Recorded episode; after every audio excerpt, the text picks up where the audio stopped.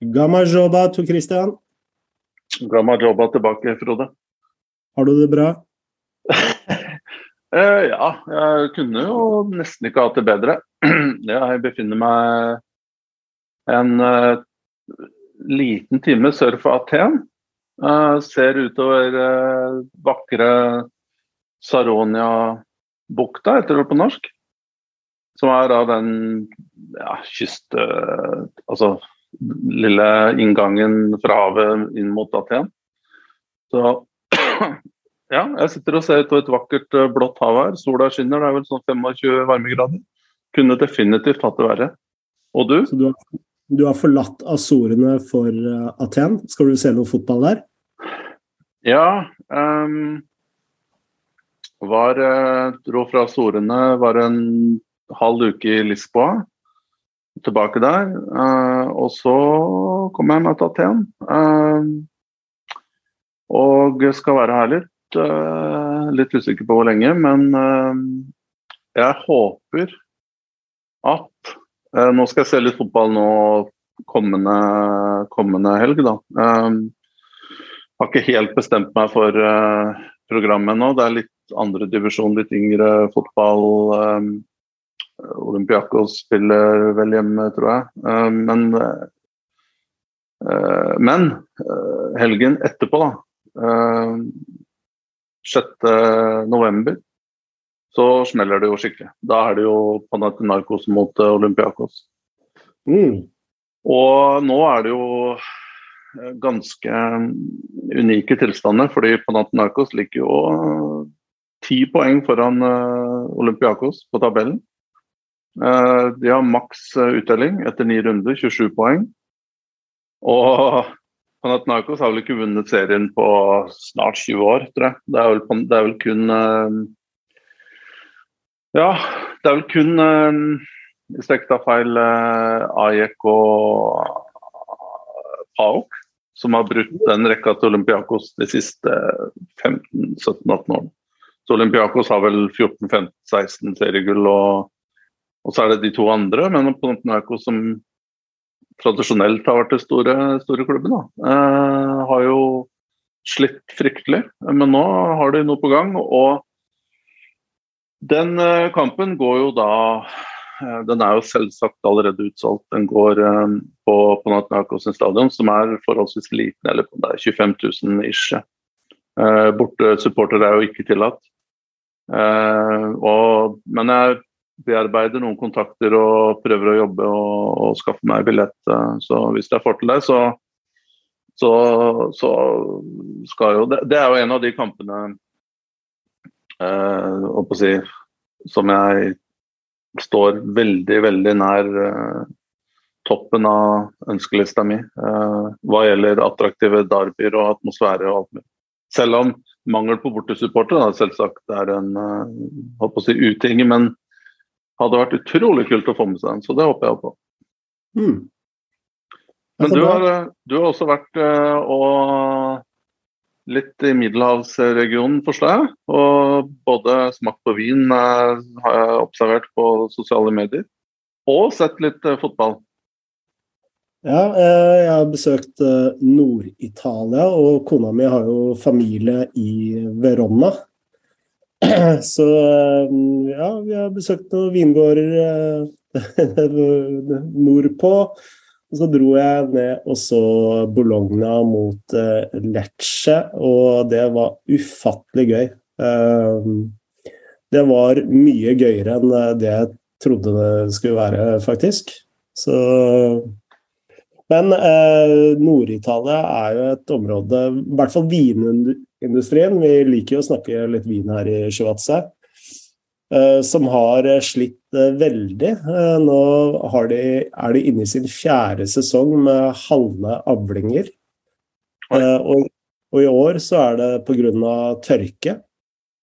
Så i år så Vi bodde på en vingård som heter Musella, som produserer noen fantastiske bio bioviner, som du også får kjøpt et par av dem på Vinmonopolet.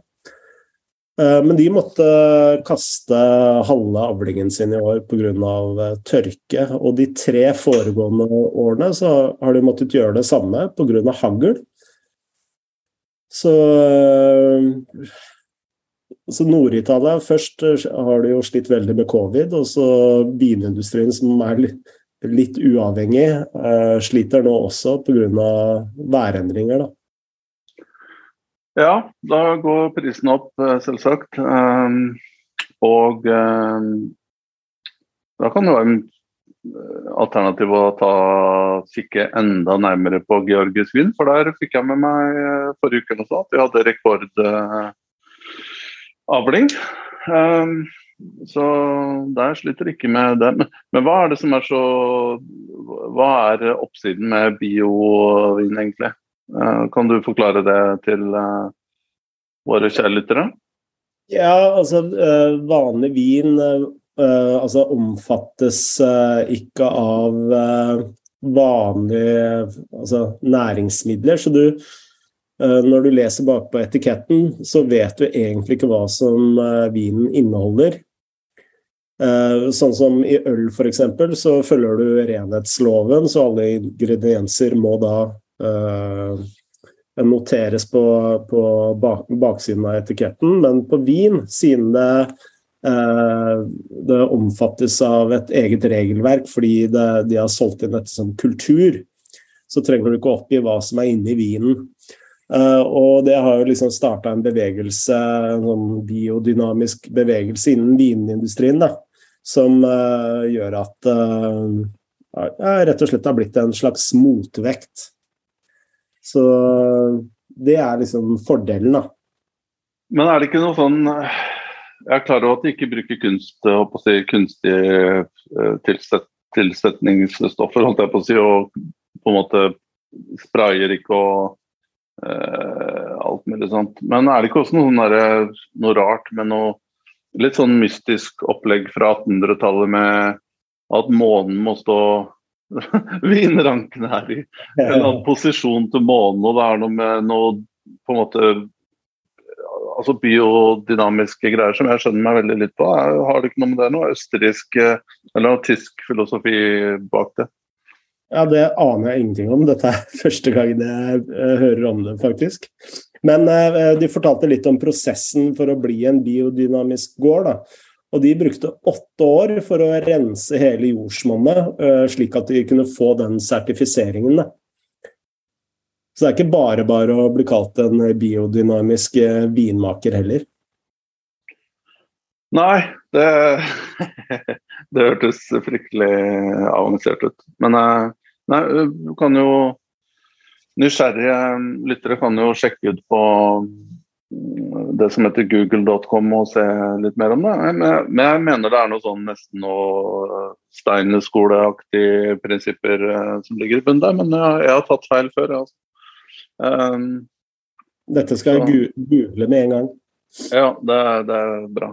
Uh, men uh, på fotballfronten, da, har du noen betraktninger fra Bologna Lecce og ikke minst Italia, italiensk fotball generelt? Ja, altså Jeg var jo så Bologna Lecce, og uh, Bologna de har jo nå fått uh, Tiago Motta uh, som trener. Han ble vel trener i slutten av september. Og de har jo Anatovic på topp der, da. Og Askildsen uh, starta også den kampen for, for Lecce. men vi, vi, har jo snakket mye om italiensk uh, eller serie, økonomien i Serie A og problematikken ved stadion, uh, f.eks. Og er jo en uh, Renato de Lara stadion er jo en fantastisk stadion, men den er jo så nedslitt. Og det er jo påfallende hvor stor forskjell det er å besøke Bundesliga-klubber, også til en viss grad La Liga-klubber, og selvsagt da også Premier League-klubber. Eh, og se den eh, store forskjellen på oppgradering av eh, stadion. Og det Altså, fotballen var jo fantastisk, supporterne er fantastiske. Men det er en liga som er utrolig nedslitt. Så Liga det, som er nedslitt, eller stadion? nei, altså, jeg tenker Bologna, da, som er en gjennomsnittlig ja. serie Uh, altså, det var noe sånn symptomatisk da, med å se en så nedslitt, uh, li, uh, nedslitt stadion i Serie A. og det, jeg satt, når jeg satt på, på stadion her, så illustrerte det så godt hvor forskjellene da, på, eller styrkeforholdene mellom, mellom ligaene Eh, med tanke på økonomi, og vi har jo snakka om eh, hvordan Serie A eh, til stadighet sett i Norge.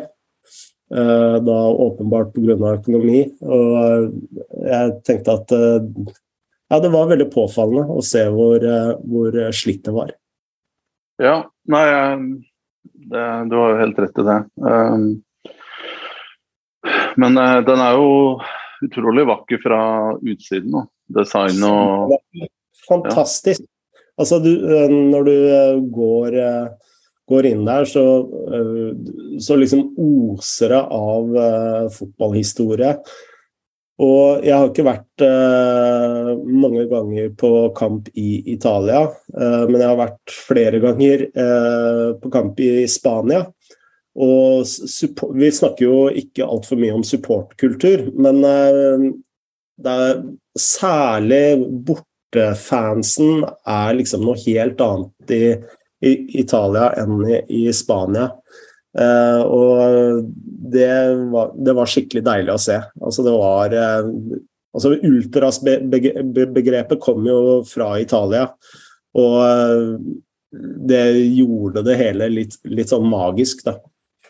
Så Serie A, en super opptur, men men uh, jeg er litt trist å, se hvor uh, nedslitt uh, det er. Og det er jo, altså, Bologna er jo ett eksempel, men det er jo også flere stadioner som er i, i samme kategori. I Verona f.eks., som var der jeg var. var. Ja. Hvordan gjorde Askildsen det, forresten? Uh, helt ærlig, skikkelig dårlig, og ble tatt av tidlig i andre omgang. Han var fryktelig svak, hvis jeg skal være helt, helt ærlig. Uh, og Anatovic, Jeg satt og tenkte på at Serie A må jo være helt perfekt liga for Anatovic. Uh, han uh, tropper opp i, i, første omgang, gjør Du vet, det er noen spillere du nærmest må sitte ringside for å få full glede av, og Anatovic er en sånn type spiller. spiller. Fordi det er så masse sånne tekniske finesser som du ikke klarer å fange opp på TV-skjermen. Så jeg storkoste meg ved å se Anatovic uh, uh, i første omgang. Og så leder de da 2-0, og da sier jeg til sidemannen min uh, på stotrende italiensk at nå blir det vel ganske lavt tempo i andre omgang, og det var han jo helt enig i. Og hver gang Bologna gikk i et angrep, så la Anatovic seg ned, selvsagt. Jeg tror han la, eh, la seg ned kanskje tolv ganger. For da tenkte han vel at uh, nå skal vi utsette litt tid, eller eh, uh, Nå er jeg litt sliten, så nå trenger jeg en break. Men ja, det var morsomt å se. Ja. Um, var det noen andre som utmerka seg, bortsett fra, fra han som kunne ha spilt i Manchester United nå?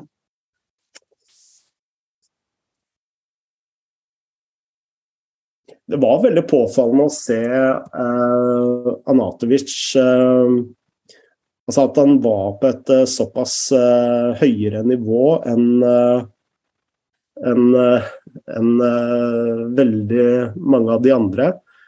hvis jeg skal trekke fram noen, så likte jeg venstrevingen til Bologna, Barrov, nummer 99.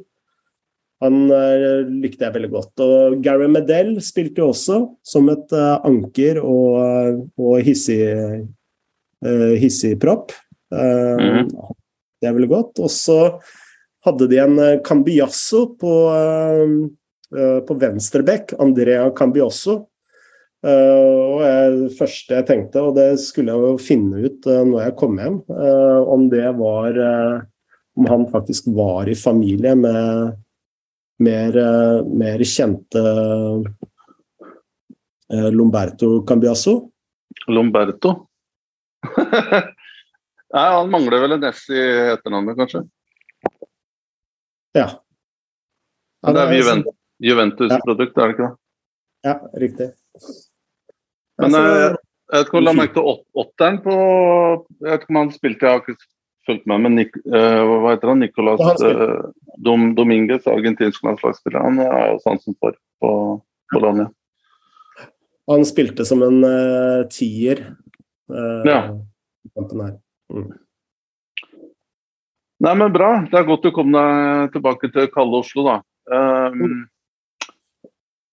jeg vet ikke om du har noe um, Det har ikke skjedd så fryktelig mye de siste Ja, nå nå er, det jo to uker siden vi har vært på sist, men uh, noe har vel skjedd, har det ikke det? Ja, det har jo skjedd uh, egentlig ganske mye. Skal skal, skal, vi starte kanskje med lokalfotball? For det har jo vært veldig mye drama i eh, norsk fjerdedivisjon, avdeling Oslo. Og eh, ikke at det er, har så mye interesse for eh, resten av landet, kanskje, men det var jo opprykksdrama i avdeling 1 mellom KFM2 og og FC Oslo, som er et relativt nystarta lag her i Oslo hvor eh, Naturlig nok, derav navnet. Eh, hvor eh, FC Oslo taper 0-1 seks minutter på overtid mot Holmen. Og blir frarøva opprykket på målforskjell mot KFM2. Og det utløste jo en ganske gjentagende debatt om andre lag i, i norsk fotball.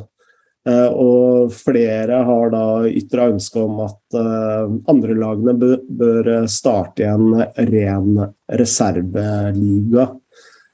Og det er jo en fair debatt, det.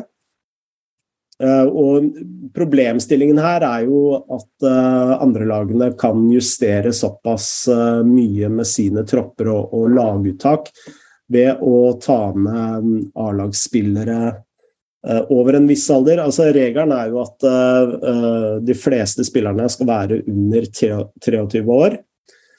Men uh, du kan ha med tre spillere over. Men selv under 23 år så er det jo veldig mange lag uh, som er gode nok for et førstelag, som i praksis gjør at du kan justere nivået på, på lagene, lagene dine. Og du ser veldig ofte at lag som eh, ønsker et lag opp i tredjedivisjon, de bare stiller litt sterkere eh, jo mer det, det røyner på, da.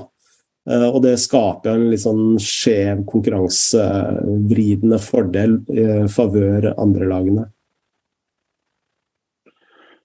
Ja, jeg har så vidt Jeg har så vidt fulgt med på på ordskiftet der. Um, Gamle Oslo het kanskje den klubben, hvis ikke jeg bommer. Ikke FC ja, Oslo, men Nei, det, og, altså, de kaller seg egentlig FC Oslo, men uh, fordi du ikke har lov til å kalle deg med et egennavn uh, Du kan ikke kalle deg FC Trondheim, FC Tromsø osv. Så, videre, okay. så står det oppført som Gamle Oslo i, uh, i registrene. Aha. Ok, da er det oppklart. Det er, som veldig mye annet så er det jo en debatt som dukker opp nesten eh, Altså det er jo høsttegn, eh, det også. Altså eh, Den kommer hver høst, og det samme skjer jo hver høst. Mm. Eh, at eh, de, de, større lagene oppover i divisjonen topper og og gjør et skikkelig skippertak mot uh, slutten av sesongen for å holde plassen, eller for eventuelt å rykke opp. Uh, det er jo ikke noe nytt. Jeg, jeg vet ikke, jeg, jeg ser jo selvsagt argumentene fra begge sider. og jeg, jeg har bare sånn litt sånn følelse av at det er en sånn evig To motpoler, eh, toppfotball, bredde, som for evig alltid vil bare stå på en måte gnisse mot hverandre. Mm. Og, og, det er fryktelig vanskelig å finne et system som, som gagner begge her. Noe må gi, og eh, så kan man kanskje finjustere litt på reglementet, at man eh, At det er litt vanskeligere å, eller at man bruker færre spillere, at man etter et visst antall førstelagskamp, førstelagskamper ikke får lov å, å, å spille lenger, lenger ned i divisjoner for andre andre laget, men da faller jo også noe av poenget bort. Da. Det skal jo ikke bare være en, på en, måte en talentutviklingsarena, men det skal også være uh, til bruk for, uh, for recovery og en, arena for å kunne spille seg tilbake til fitness osv. Mm. Og og disse andre lagene de kommer heller ikke til å ende opp med uh, altså Til en viss grad så må jo også de være kompetitive. Um, og det, det, er også noe av poenget at de lagene skal være såpass godt representert med såpass mange litt mer erfarne spillere enn at det bare blir 17-18-åringer. Og da rykker du bare ned som et blylodd ned divisjonene. Mm. Så Det må jo være en balanse her, hvis man i hele tatt skal ha med disse andre lagene. og da, det, er jo, det er jo ikke noe vits i at de bare skal bli kjørt over av voksne lag da, hele tiden. Mm. Um, men klarer man å finne en balanse her? Jeg, jeg, er usikker. Um, og Andre alternativer har også vært diskutert, som f.eks. en egen andrelagsliga, typ det man har i i større uh, europeiske land. Um, er det gjennomførbart? For der har de 23, ikke sant. Nå, nå sa jeg vel uh, over 23 år, det er jo over 21 år. Um, ja. ja. du sa 22, så det er jo for så vidt ja. Helgalt meg. ja. Ja det, det, det, er jo forskjellige variasjoner av de type ligaene. Um, rundt omkring. Um, men, uh, men uh, poenget er jo om man på en måte skal skille ut skille ut uh, andrelagene, og at de skal spille en egen uh, reserveliga, om du vil, og, og bare spille internt mot hverandre. Um, her er det jo jeg, jeg, jeg, tror da mister man noe av eh, ramma, rammene rundt kampene. Altså, ingen vil bry seg veldig mye om, eh, om eh, disse kampene. blir et pliktløp. Økonomisk så vil det være mye dyrere, fordi du må begynne å sende spillere Plutselig så skal ok, Dårlig eksempel for Tromsø og Bodø, og de må vel reise veldig langt med fly selv uh, i dag uh, med andre laget, men for veldig mange klubber da, så blir det enda mer reising. Enda mm. flere flyturer. Og for hvilken, hvilke utbytte. Og, altså, Én ting er jo allerede i dag, så hvis du drar på Gardermoen på en søndag eller en lørdag, så ser du jo på en måte lag fra aldersbestemte lag som flyr fra Vestlandet via Oslo hit og dit.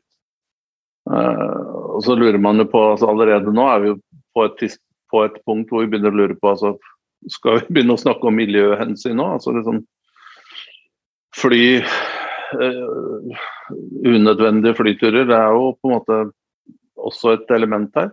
Økonomisk mm. vil det koste, koste mye, og for, for, hvilken gevinst. Så det syns jeg er et ganske tynt, uh, tynt ugjennomførbart opplegg. Jeg, jeg, tror heller ikke noen lag eller klubber vil i det hele tatt prioritere det, og at det blir bare, bare fryktelig uh, fryktelig lite utbytte av det. Um, et, en annen løsning som er litt morsom, da. Uh, igjen i Norge, vi har jo den geografien vi har, så det kompliserer jo bildet mye, mye mer. Hadde du vært i Belgia eller vært i Nederland, så er det jo klart at der har du jo mye flere options. og alt skjer på All transport skjer med eh, på motorveier. Korte turer. Men i Norge mm. så som sagt må man jo hoppe på fly og, i, i, i, stor utstrekning. Og, men en artig, en artig variant som de har i Argentina Jeg vet ikke om de fortsatt har det, nå er det noen år siden jeg har vært der og sett uh, fotball. Men de pleide jo å ha U20-lagene som en slags curtain racer før hoved før førstelaget. da. Så mm. hvis uh, f.eks. Eh, eh, Rosario Central reiste til Independiente, så ville de lagene spille klokka fire U20, og så kom eh, A-lagene da klokka åtte, f.eks. Eh, mm. Det hadde vært en litt morsom greie, men det, det, er jo på en måte Det vil jo ikke løse noen ting, egentlig. Eh, bare ønska å nevne det. Litt usikker på om det vil løse noe særlig logistikk, annet enn at du kanskje kan få noe billigere flybilletter. Men, og, og, du får vel uansett ikke stappa inn 30-35 spillere inn på en buss. Det lønner seg ikke. men du er, jo, du er jo litt i Ikke bare litt, men du har jo beina dypt planta i breddefotballen selv eh, på, i, i, Oslo, Frode. Jeg vet ikke du, hvordan du reflekterer eh, fra altså, Kristiania ballklubb-ståsted? Vi, vi har aldri vært så veldig opptatt av det. Jeg kan ikke huske at vi har diskutert andre lag eh, innad i klubben noensinne. Men uh, altså det er jo to ting her eh, som jeg kan reflektere over. Og, uh, altså de siste fem-seks årene så har jo både fjerdedivisjon og tredjedivisjon blitt markant bedre. Altså Kvaliteten har eh, økt dramatisk med tanke på at seriesystemet har blitt spissa. Og Det skal jo også andre lagene ha litt av æra for. Eh, at altså disse andre lagene eh, holder jo stort sett til eh, i toppen av tabellen, om det er eh, Ullern 2 eller KFM 2 osv. Og, så, og Tromsø 2 eh, i Nord-Norge oppe i tredjedivisjon, så er det lag som eh, er, eh, har mange, mange, gode spillere og er veldig kompetitive, som gjør at de andre klubbene også må liksom heve seg. Da. Så det har en, vært en vanvittig kvalitetsøkning i de ligaene, og det tenker jeg det er jo et gode for norsk fotball. Og uh, med denne 21-årsregelen så gjør det jo også at uh, klubbene må satse mer på unge spillere og får en bedre kamphverdag. Så det, det er, er, det positive. Uh, bakdelen er jo at det, det kan oppleves ganske altså, urettferdig, noen bruker ordet usportslig, å møte andre lag som når det plutselig er en avgjørende kamp, så blir det bare lessa på med førstelagsspillere.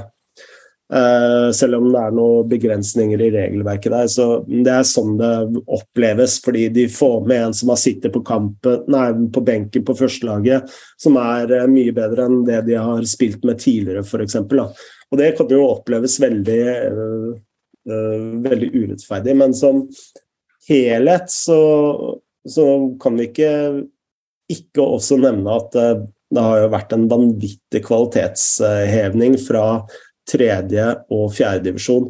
Og nå er det sånn at uh, man ser ganske ofte, ikke til Eliteserien kanskje, men man ser ganske ofte spillere gå helt fra fjerdedivisjon til Obos-ligaen. Mm. Og det, det, så man ikke ofte før. Og du ser spillere som går rett fra tredjedivisjon opp til Eliteserien. Altså det er ikke sånn som at det er den vanlige, vanlige, veien, men det ser du oftere nå enn det du gjorde for fem-seks år siden. Så, og Det betyr jo at nivået på både fjerde- og tredjedivisjon er jo mye høyere enn det det var tidligere. Så Hvis vi snakker om kvalitet og vi snakker om utvikling for unge spillere, så har det vært en gode. et gode. Ja, ja jeg følger det, jeg følger det her. Um, og... Men, uh, og, og, det er litt sånn interessant med tanke på et spørsmål vi har fått fra R. Dizzelt. på, på, Twitter som lurer på Snakk gjerne litt om utfordringene de største klubbene i Norge har når det gjelder å finne norske spillere til en OK pris versus å måtte hente fra utlandet. Både Mo og Knutsen har nevnt dette flere ganger de siste to vinduene. Ja, jeg, jeg puster tungt her. Um, ja, nei, jeg vil egentlig bare skyte inn i, i siste her. Du, du, og jeg, du hoppa litt kjapt. Jeg hadde noen uh, litt innspill til her. Um, og du er inne på det der med uh, at det er så random. Uh, og du vet aldri hvilke lag, hvilke kvalitet på motstander du, du, treffer. Og for noen så vil det spille veldig positivt Eh, inn, og andre lagene ikke blir toppa. Og du får en enkel oppgave, mens andre vil møte mye mye sterkere lag. Um, og det, det, det, handler ikke bare om på en måte, Det, det er jo ikke en normal uh, situasjon hvor det er skader og sånne ting, men dette er jo på en måte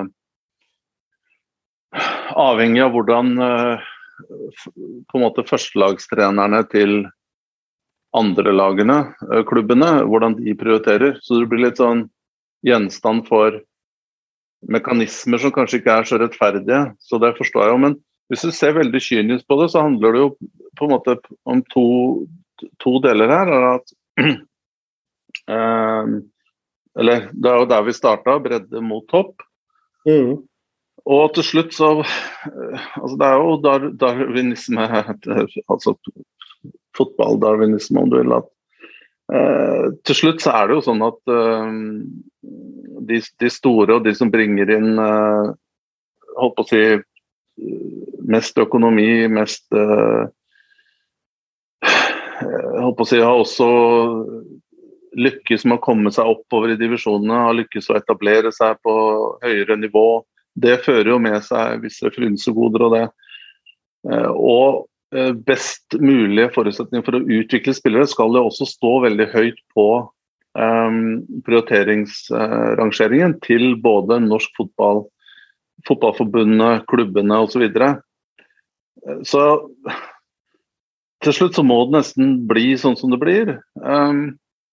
Men samtidig så føler jeg også veldig for alle disse som står på lenger ned i systemene og i divisjonene og brenner veldig for det de holder på med og jobber godt. og men får veldig mye eh, motvind her. her. Ja, spørsmålet der var utfordringen de største klubbene Norge har når det gjelder å finne norske spillere til OK pris. Uh, versus å måtte hente fra utlandet.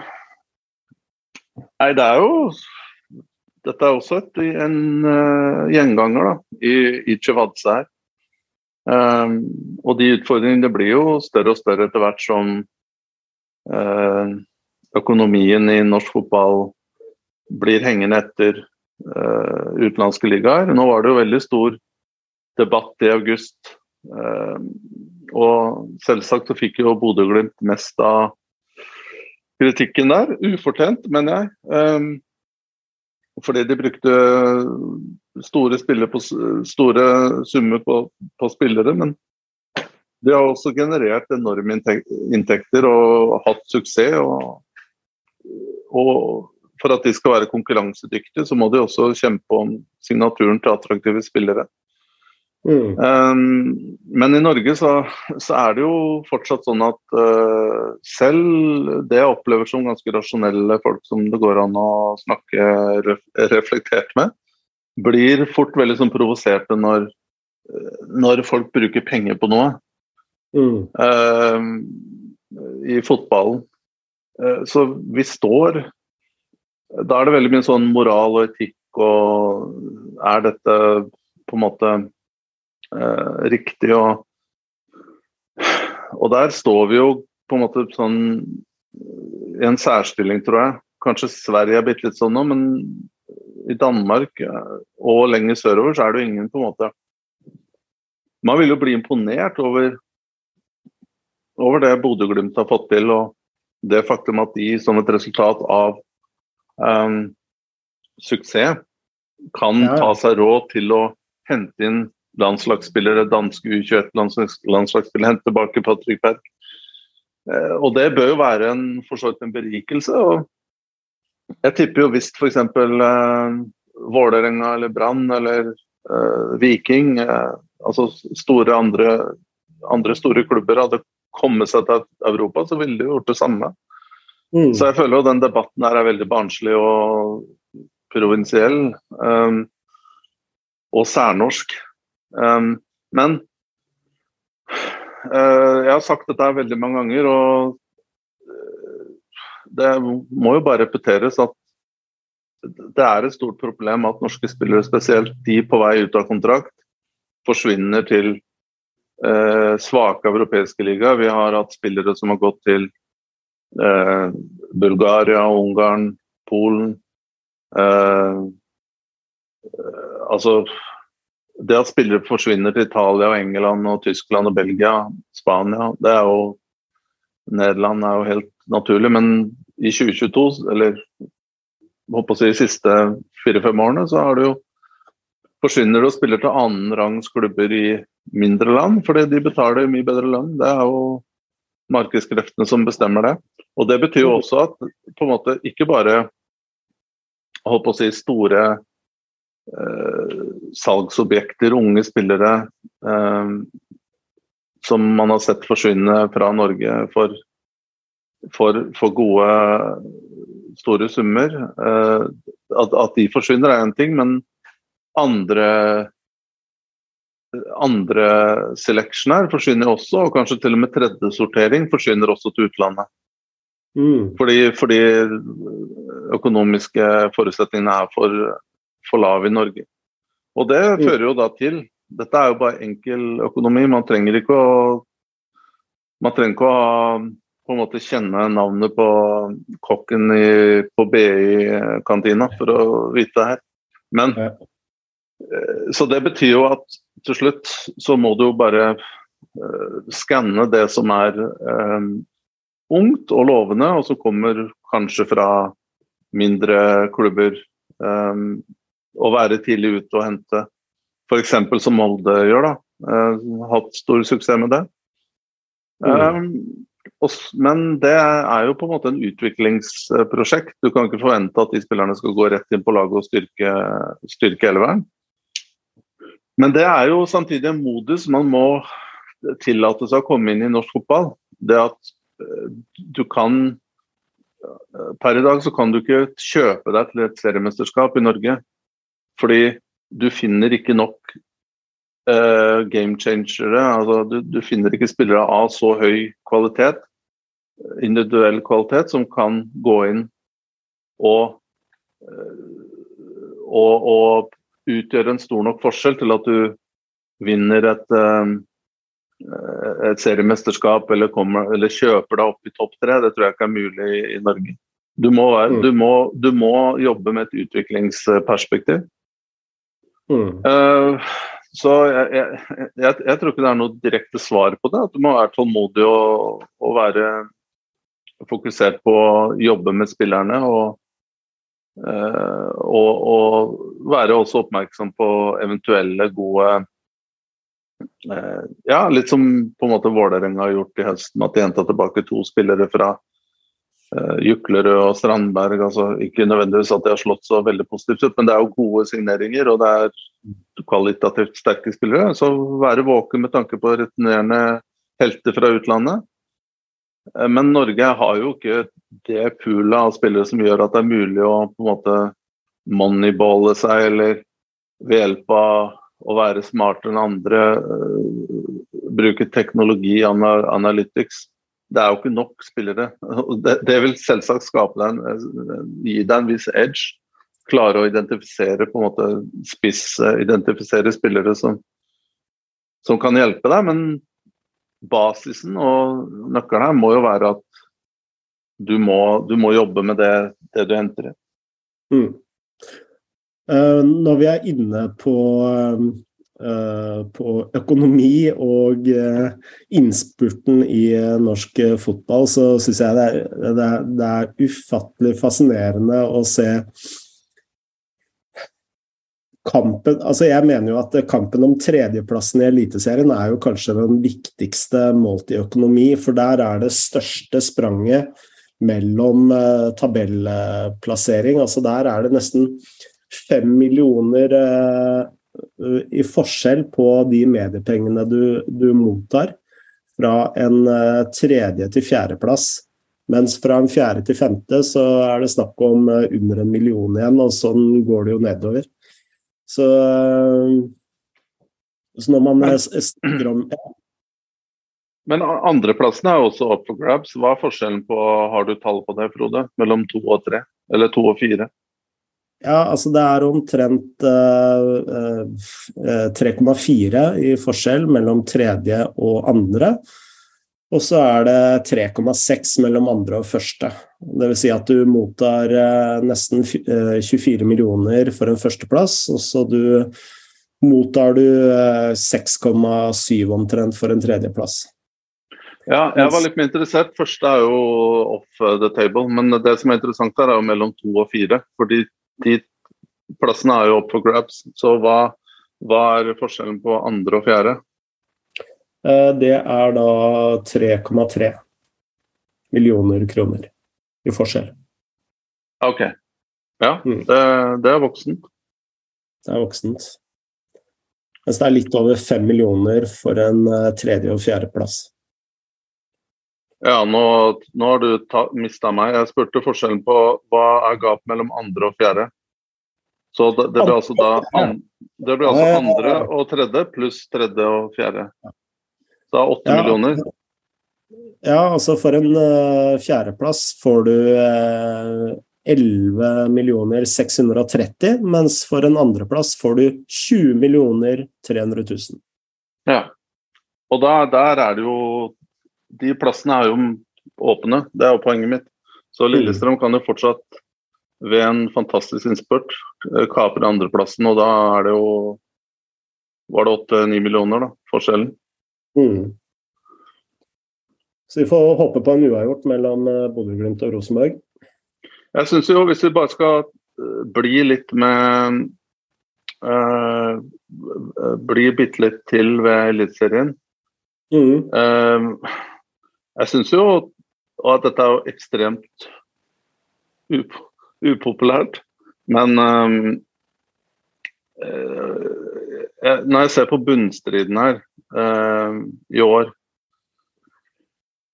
um, Kristiansund har vært kobla av uh, mer eller mindre hele sesongen. Meldt seg på litt igjen nå. Nå er det vel fire poeng bare da, opp til Sandefjord. Men du skal være ganske tom for drama i livet hvis du blir opp, opp, opp, si, hisser deg oppover den bunnstriden som har vært i år. Um, og så har du et gap opp til, på seks poeng, er det det, eller? Uh, til HamKam.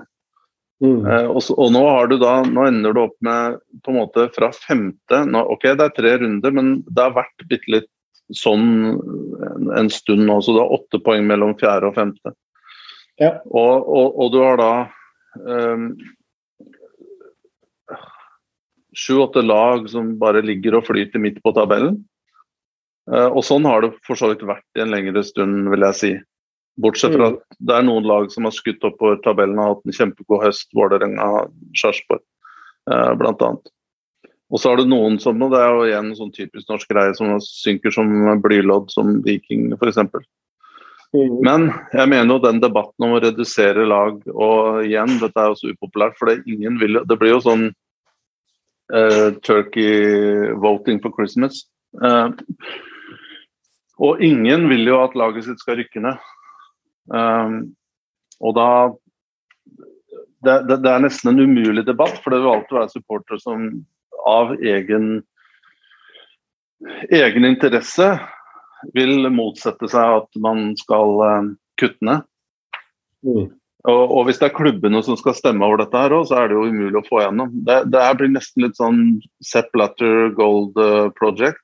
at, at uh, alle medlemslandene stemte for å få var det en million dollar til å begynne med. Uh, og det er klart den lederen som innfører det og gir alle en en sånn gave hvert år, så er det klart at det er vanskelig å vanskelig å stemme den lederen ut, og det er vanskelig å få forandra på systemet.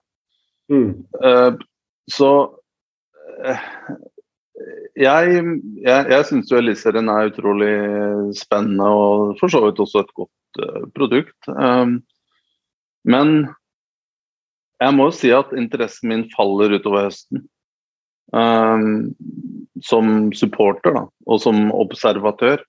Mm. Uh, og og så kommer det jo noen sånne, så, så kommer det noen sånne bonuser ved f.eks.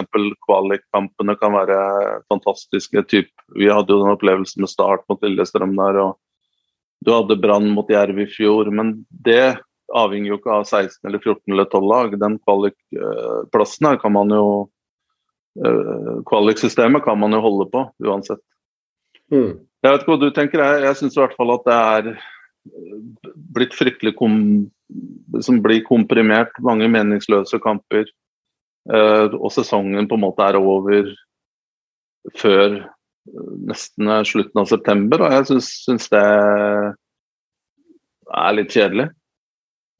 Ja, fra et underholdningsperspektiv så er jeg helt enig med deg. At uh, serien burde ha vært uh, komprimert. Og, men det jeg opplevde forrige gang eh, denne debatten var oppe, uh, hvor Hypercube hadde kom med sine rapporter og forslag, så ville de jo innføre seriemodeller som man har nå senere innført i toppserien, som jeg mener er enda mer intetsigende. Ja, ja. Så, det, det, det, er greit. og jeg, jeg er enig i at den det si, belgiske, belgiske, systemet som ble lansert der, var helt merkelig og, og, og vanskelig å, å, skjønne seg på. Mm. Uh, og overkomplisert. Men det er klart, når man, når man hyrer inn konsulenter, så skal de også ha betalt. og De kan ikke liksom bare komme og si Nei, men kopier Sveits, da. Som har eh, ti lag og de spiller vel fire var Spiller tre eller Altså, de, de, spiller jo ligaen ut. Jeg tror ikke de deler den opp. Mm. Og, de, og, de, spiller vel da fire runder mot hverandre, eller tre, eller hva det er. Men i hvert fall, de får det til å gå rundt uten uten, uh, uten å, å, gå inn i noe sånn på en måte komplisert uh, kvalikspill og grupper og her og der. Ja. Nå skal, nå skal Sveits uh, opp til tolv, tror jeg. Uh, hvis jeg ikke tar helt feil. Men da er du på nivå med, med Østerrike og, og Danmark, mm. uh, som har det. Men jeg sånn og det er som sagt det er upopulært, men det er en Jeg forstår ikke Norge med det befolkningsgrunnlaget vi har, geografien vi har, eh, kvaliteten eh, det, og inntektssiden på fotball. Hvordan, hvorfor vi skal ha 16 lag, det skjønner jeg ingenting av. Og, og, da er jeg heller fan av at man tilhenger av at man reduserer. Kanskje OK, ti er lite, men tolv over noen år. At man går ned til 14 og kanskje senere 12. Og, så, og da blir også medieinntektene større. Og, eh, og forhåpentligvis også flere interessante oppgjør. Mm. Um, og så får man da diskutere hvordan Kanskje det er vanskelig å få til uh, å spille fire ganger mot hverandre, men det er jo som sagt det er andre måter å, å løse det på. Uh, ja, fordi eh, for her er vi jo inne på noe veldig sentralt. Det er jo at eh, NFF og NTF de har jo vært veldig klare på at eh, skal Norge utvikle seg, så trenger vi å ut, altså vi trenger å vide ut ligaen eller serien både i starten og bredden. Altså vi må rett og slett spille flere kamper i løpet av et år. Uh, og da, hvis man kutter ned på lag, så blir jo også spørsmålet hvordan skal, skal man også gjøre det, da? Skal vi spille mot uh, altså fire runder istedenfor to, uh, osv.? Ja, men det, det, går jo også an å gjøre som i Danmark, hvor du splitter. Uh, seks spiller om noen europaplasser, og, og, og, de seks i bunnen spiller om, om nedrykk. Og så tar man med seg et visst antall poeng avhengig av av hva man har fått i den første på en måte grunnserien. da. Um, det, så, som sagt, altså Problemet er jo det, det finnes jo flere måter å gjøre dette her på uten å begynne å surre på den måten man har gjort i toppserien. Som gjør det hele altså, Det er jeg helt enig i at hvis det er alternativet, så er det jo et rungende nei. Men det, det er lov å se på andre muligheter her. Og, og som sagt, argumentene mine er jo at økonomien må må bedres. og det tror jeg, det tror jeg altså For Norges produkter må, må, bedres. og det, Da må bedre, klubbene ha bedre økonomi. og det, En måte å gjøre det på er jo at man har flere attraktive oppgjør.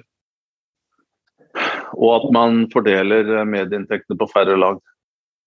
Ja, ja, ja. Eh, og, og i tillegg at man at flere klubber kan kanskje drive mer semiprofesjonelt. Um, de beste, det, og det vil heller ikke gå utover kvaliteten på fotballen. De beste spillerne vil uansett forsvinne oppover i systemet. Men at vi skal på en måte ha mange lag som skal på en måte lønne spillere minstelønn.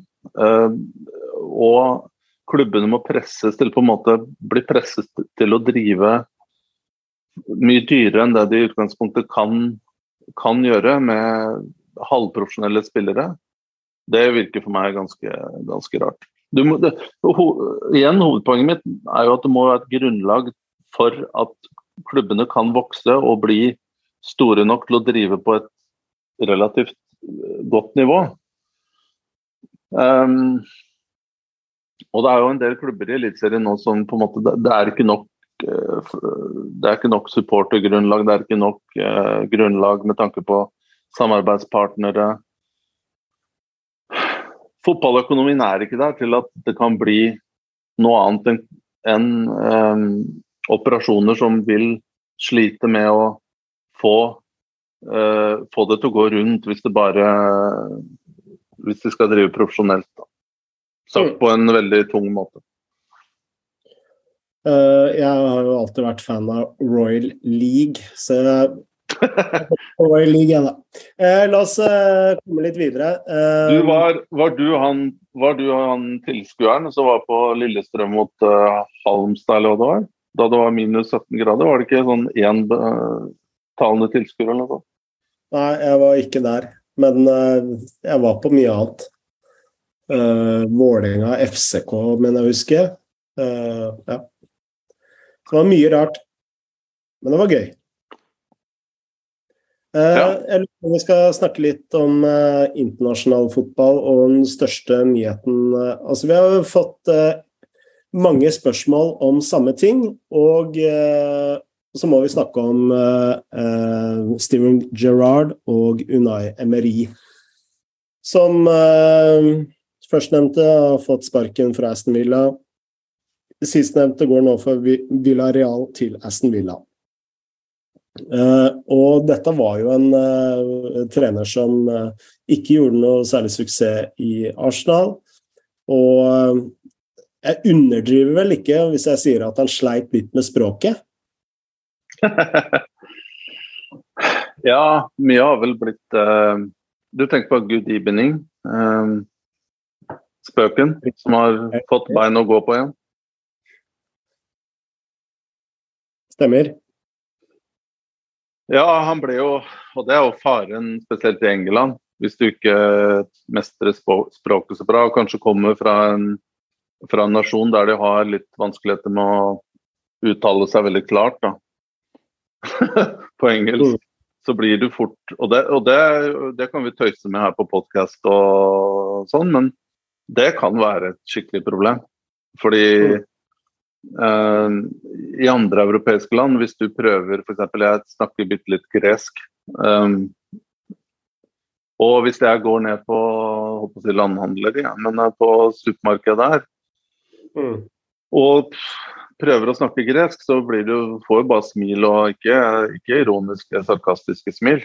Men du blir jo genuint glad for at du prøver å, å gjøre deg forstått. Og, um, men i England så er det jo for så vidt ikke sånn, fordi alle forventer jo altså England er jo nummer én verdensspråk, og man forventer at du kan det. Et, og spesielt da når du har fått uh, en stilling til ikke bare lønnet titalls millioner norske kroner i måneden, men også en stilling som innebærer at du skal være frontperson for uh, fotballklubben, og du skal kunne deale med media og være eksponert. Um, så hvis du da ikke behersker språket, så blir det jo blir det et problem. Mm. Og det tror jeg også påvirker og Jeg har jo vært i garderober her og der. og Spillerne liker jo også å tøyse med sånne ting. Um, noen mestrer bedre enn andre. Jeg tror den spanske aksenten der er litt vanskelig, for den er så veldig sterk. Uh, og det er litt sånn bablende aksent som er litt sånn uklar og det er litt sånn ikke de derre klare opphold mellom ord. Um, så det blir veldig sånn bablende, og det syns jo Det kan høres ganske morsomt ut. Men Mourinho han løste jo på en veldig grei måte. Den portugisiske er mye strammere. Mm. Litt sånn eh, Det er klarere. De, og de portugisere snakker jo også generelt bedre engelsk enn spanjoler. Men de hører ikke så karakter, karak, karakter ut. Men Mourinho klarte på en måte, selv om ordforrådet hans var ganske svakt i begynnelsen og fortsatt er det, så har han på en måte bruker han x antall ord som han vet er nyttig, og får det til å høres ganske liksom, Klarer å beholde autoriteten, da, selv om han ikke behersker språket så bra. Så det er et veldig godt poeng, Frode. Uh, fansen uh, til Aston Villa er iallfall storfornøyd, og de uh, de beskriver ansettelsen som en ridiculous ridiculously big upgrade.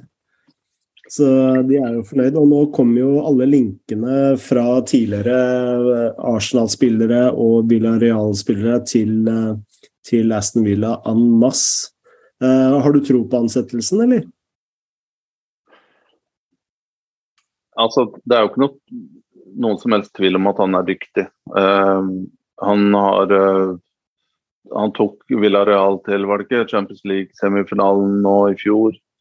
Slo vel ut både var det Juventus og Husker jeg ikke helt, de tapte for Bayern München til slutt, men de tok noen skalper der. Uh, han, han, vant jo Europa League med, på straffer der mot Manchester United. Uh, og det jeg vet og hører, og at han er utrolig detaljorientert. Eh, veldig god til å analysere motstander, veldig eh, for, godt forberedt. Og jobber ekstremt bra på treningsfeltet. Det er mye skyggetrennende bevegelser. Når venstrebekken er der, så skal høyre kant være der. Altså det relasjonelle, han jobber mye med det. Um, og Det er jo også en grunn til at han har fått store jobber tidligere. PSG ehm, og Arsenal. Vanskelig å si hva man skal på en måte Hvor mye verdi man får ut av Arsenal-opplevelsen her. I den tid og stund han var tok over etter Wenger. Det er jo en umulig oppgave. Og man ser jo alle disse klubbene som har hatt store managere sliter i årene etterpå.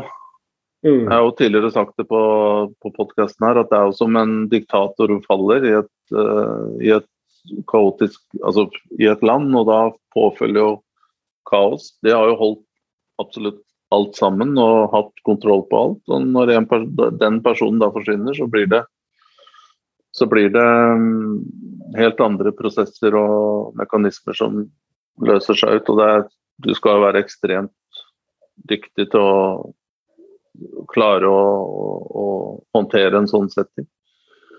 Men eh, store spørsmål er for meg, altså hva gjelder fotballkompetanse jeg, jeg, jeg, tror en god match i den forstand at eh, sånn jeg har sett Villareal og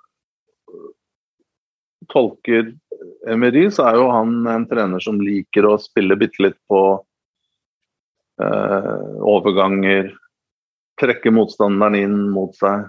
Eh, få motstanderen høyt opp i banen, og så på en måte kjøre høyt tempo fremover. Eh,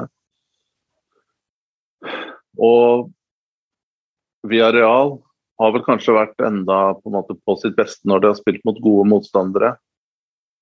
Men de kan jo også spille fotball og føre kamper, så han har jo også på en måte en Han har to, to games, han er ikke bare en, en, trener som er god til å kontre og ligge lavt.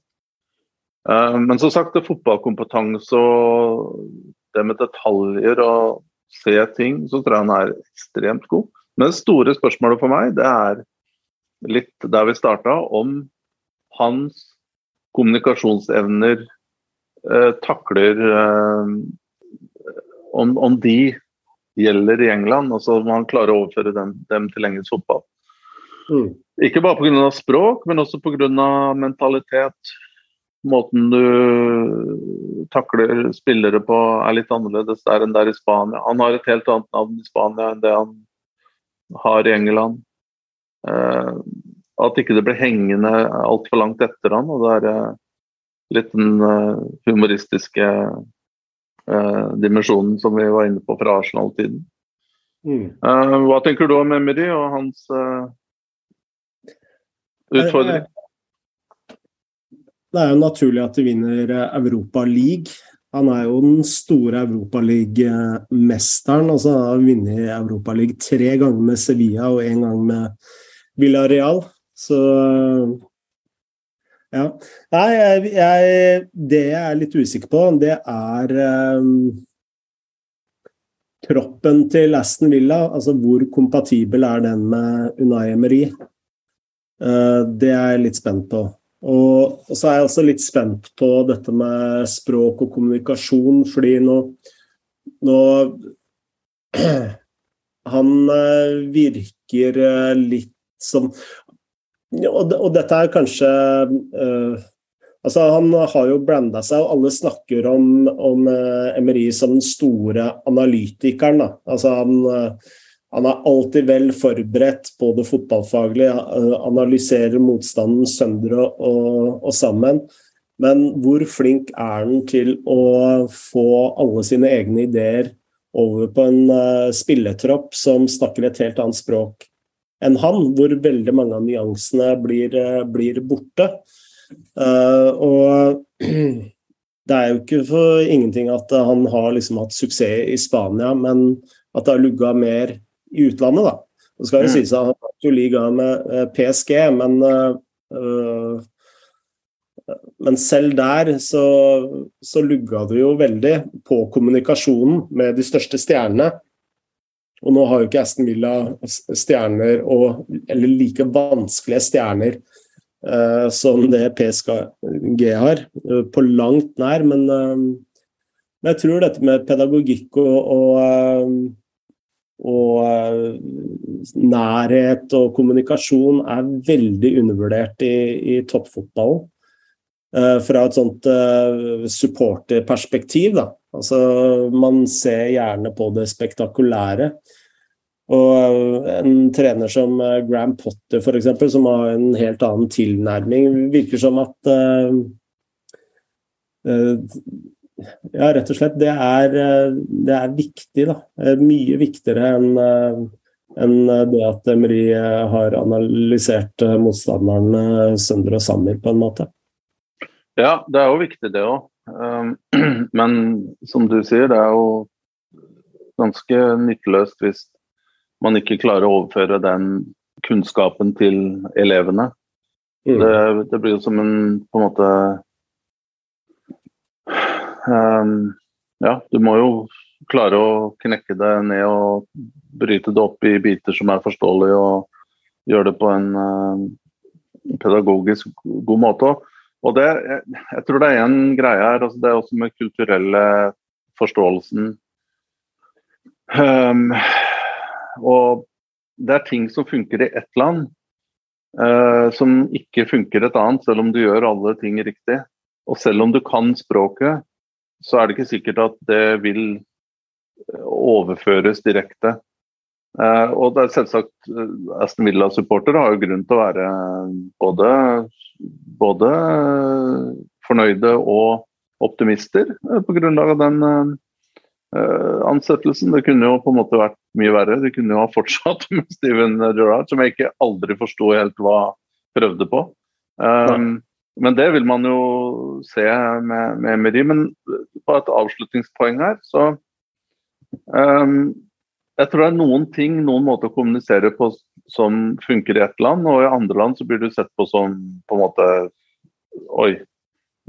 Noen land så kan du være direkte, du må på en måte være up front. og andre land så liker de folk, spesielt i Italia, da kan du være veldig utdypende og du kan være omstendelig i språket og bruke et rikt vokabular. Mens i, i, i, andre land så må du være, skal du liksom være man of the people og snakke som du gjør på puben. Og, og jeg tenker litt sånn det, nå har ikke jeg noe mer eh, så veldig god innsikt akkurat på det punktet der, men eh, jeg tenker litt på P. Mathias Høgmo og suksessen hans i Sverige. Eh, mm. Nå um, vinner jo Hekken mest sannsynlig den svenske ligaen.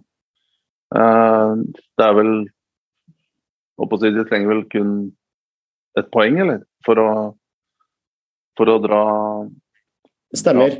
Dra, dra serien i havn. Ja. Uh, og samtidig skal jo andre også vinne, da. Uh, men det ser jo ekstremt lyst ut.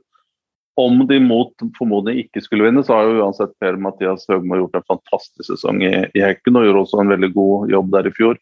Og har hatt andre jobber i Sverige hvor han har lykkes veldig godt. Mens i Norge så har resultatene vært så som så. Han har også på en måte blitt litt latterliggjort. Um, og media som har, har harselert med han fordi han er, har sin egen måte å, å kommunisere på. Men mulig. Eh, I Sverige så får du lov å være litt mer artikkelet og være litt mer utdypende. Og mm. bruke litt uh, mer, flere metaforer og, og kanskje dra inn noen dikt og intellektuelle referanser. Mens i Norge så er jo det helt uh, Folk tror du er Du har mista det helt hvis du begynner å snakke på den måten uh, i Norge. Så bare der da kan du også være et, på en måte et eksempel på denne disse kulturforskjellene på måten man kommuniserer.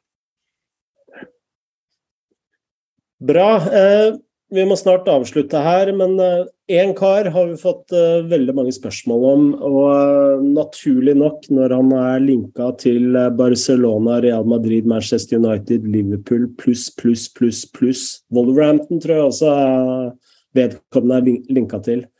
Og det er argentineren Enzo Fernandes, som spiller i tospann med Aursnes på Benfica.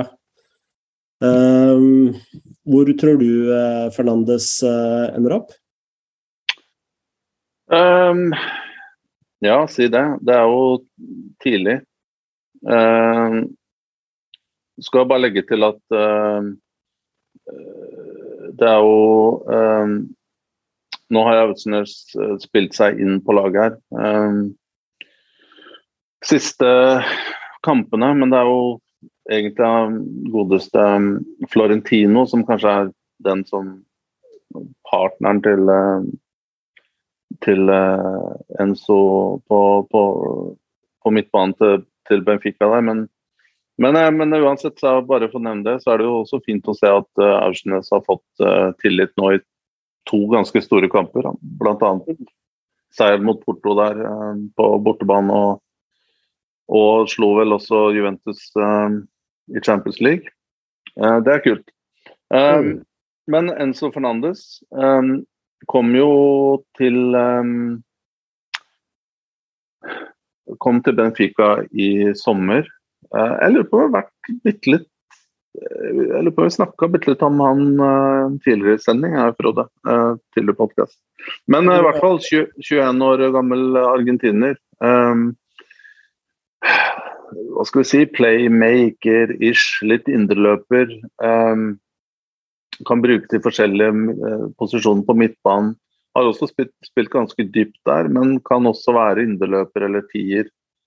Um, og er selvsagt eh, veldig god pasningsfot, teknisk, kjapp, kommer seg unna ting. Vil ha ballen hele tida, dynamisk. I tillegg så har han jo det helt vanvittige skuddbeinet som uh, vi har sett.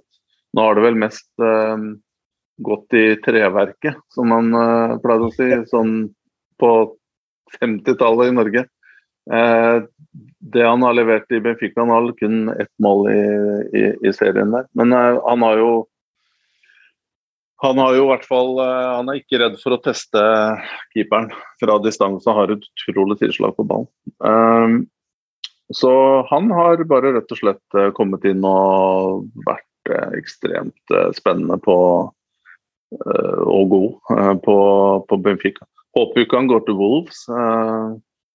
Det, det, det, virker litt meningsløst, med all respekt. De på en måte har nok med det de kanskje har henta tidligere fra portugisiske ligaen. Eh, men at han kanskje etter et år eller to i Benfica vil kanskje være aktuell for en ja, Real Madrid eller en stor engelsk klubb, det det ser sånn ut, da. At han på en måte har den kapasiteten til å ta til å ta disse utfordringene så kjapt. Fordi jeg var kanskje litt sånn tvilende. Han hadde jo bare vært i River Plate i halvannet år, tror jeg, før han eh, kom Eller altså vært fast da, på førstelaget, mm. før han gikk til Benfica. Og så går han rett inn på laget og briljerer. Mm. Bra. Veldig spennende. Eh, jeg tror vi må avslutte her, jeg tror, Kristian. Ja, da gjør vi det. Du har sikkert en god utsikt eh, du skal, eh, skal passe på. Jeg er jo Jeg er jo her i gamlelandet, jeg, så å ta på meg lue og gå ut en tur. Ta på den røde beanie-hipster-hatten din, eh, lua di. Den kler du så godt. Det skal jeg gjøre. Bra. Da sier vi som vi alltid sier her i Shivatse, uh, gamma joba og på gjenhør.